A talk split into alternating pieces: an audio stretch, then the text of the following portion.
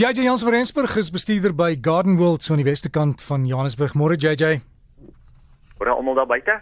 Kry jy warm? Is dit koud? Ja, nee wat. Nee, nee, nee, kyk as ek jou sê vandag is daar 'n lekker lekker herfsdag. Een van daai warmer herfsdae.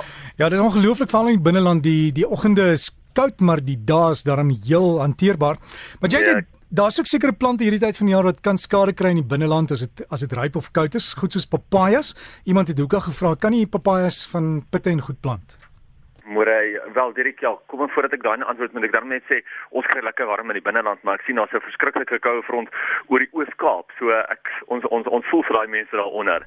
Ehm um, papajas kan in die binneland geplant word, ja, definitief, maar ongelukkig ja, soos jy sê papajas is maar koue gevoelig en as jy kan moet jy dit maar ergens op 'n lekker warm plek probeer plant tussen ander plante waar die koue winde kan weghou word veral tussen immergroen bome of waar daar so uh waar jy hoë geboue het iets van daai aard want hoe warmer jy kan hou hoe beter gaan dit wees vir die plant self.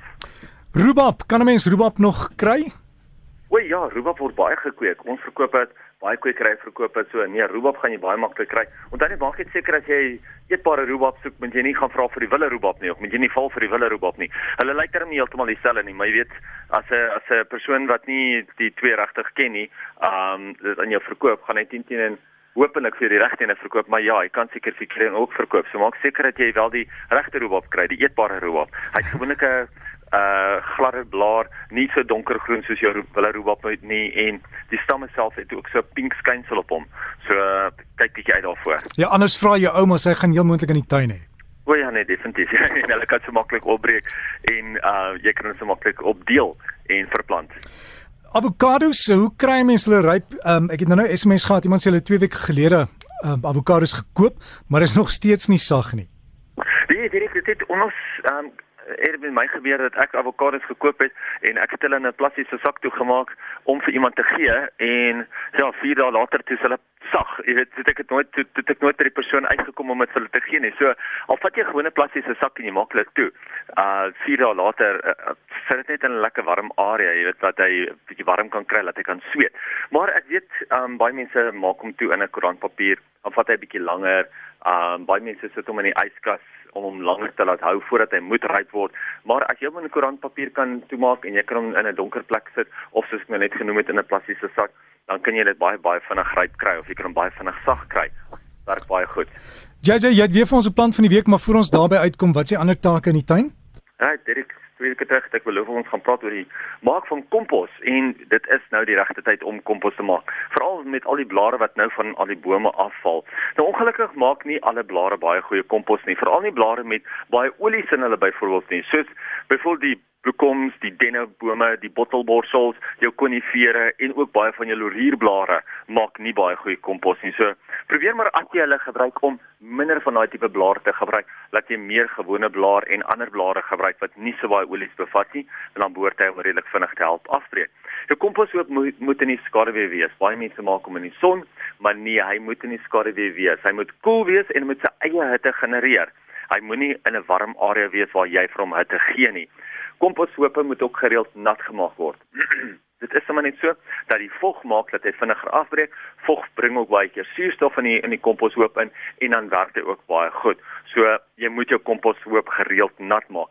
Moet ook nie jou komposhoop kompak, kompakteer nie. Met baie mense sal nou nadat hulle alles bymekaar gegooi, sal hulle nou vir die kinders of die kleinkinders of vir wie ook al vra, gaan loop op hom rond, kompakteer hom in mekaar in en sodat hy minder spasie vat. En dit is nie goed nie.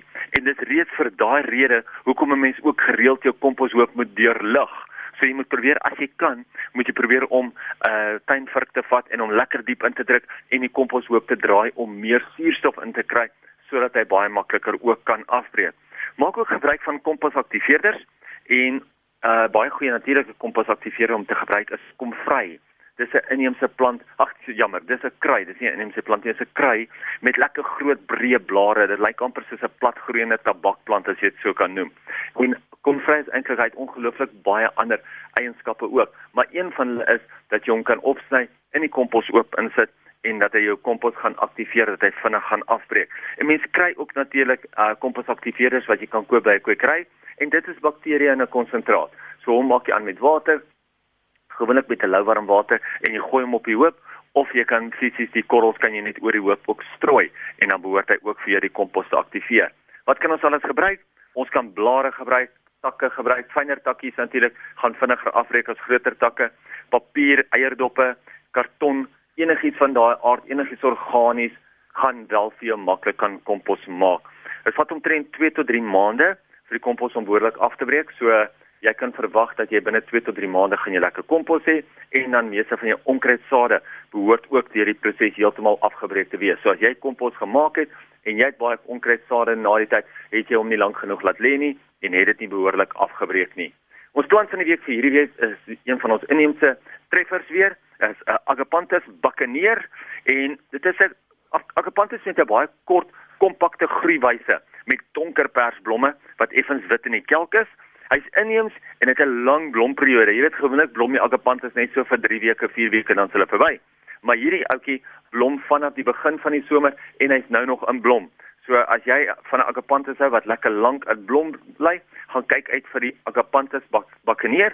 Hy blom omtrent baie egalig in hoogte, maar so plus minus 500 in hoogte, so 'n halwe meter in hoogte wat hy blom. Die plant self groei net so 300 by 300 so 30 cm by 30 cm maar die blomme staan hy hy troon uit bo die plant so 50 cm inheems waterwys gehard een van die nuwe vrystellings van kyk uit vir 'n pragtige nuwe agapanthus buccaneer JJ jou epos werk nog nou jy by Gardenwold Mense sal kom vir eposse te sien, jy hier by Gardenwold toe, gaan loer, ek weet jy het net gevra oor die Facebook blaaie, gaan loer na ons Facebook bladsy uh Gardenwold Nursery of JJ se seeblad. En dit is ongelooflik baie inligting wat ons almal met mekaar daar deel. So gesels JJ Jansen van Rensburg, hy's by Gardenwold en as jy wil e-pos is JJ by gardenwold.co.za. JJ by Gardenwold. Pensie oop en sit aan. Sterkte met die tuin maak vandag.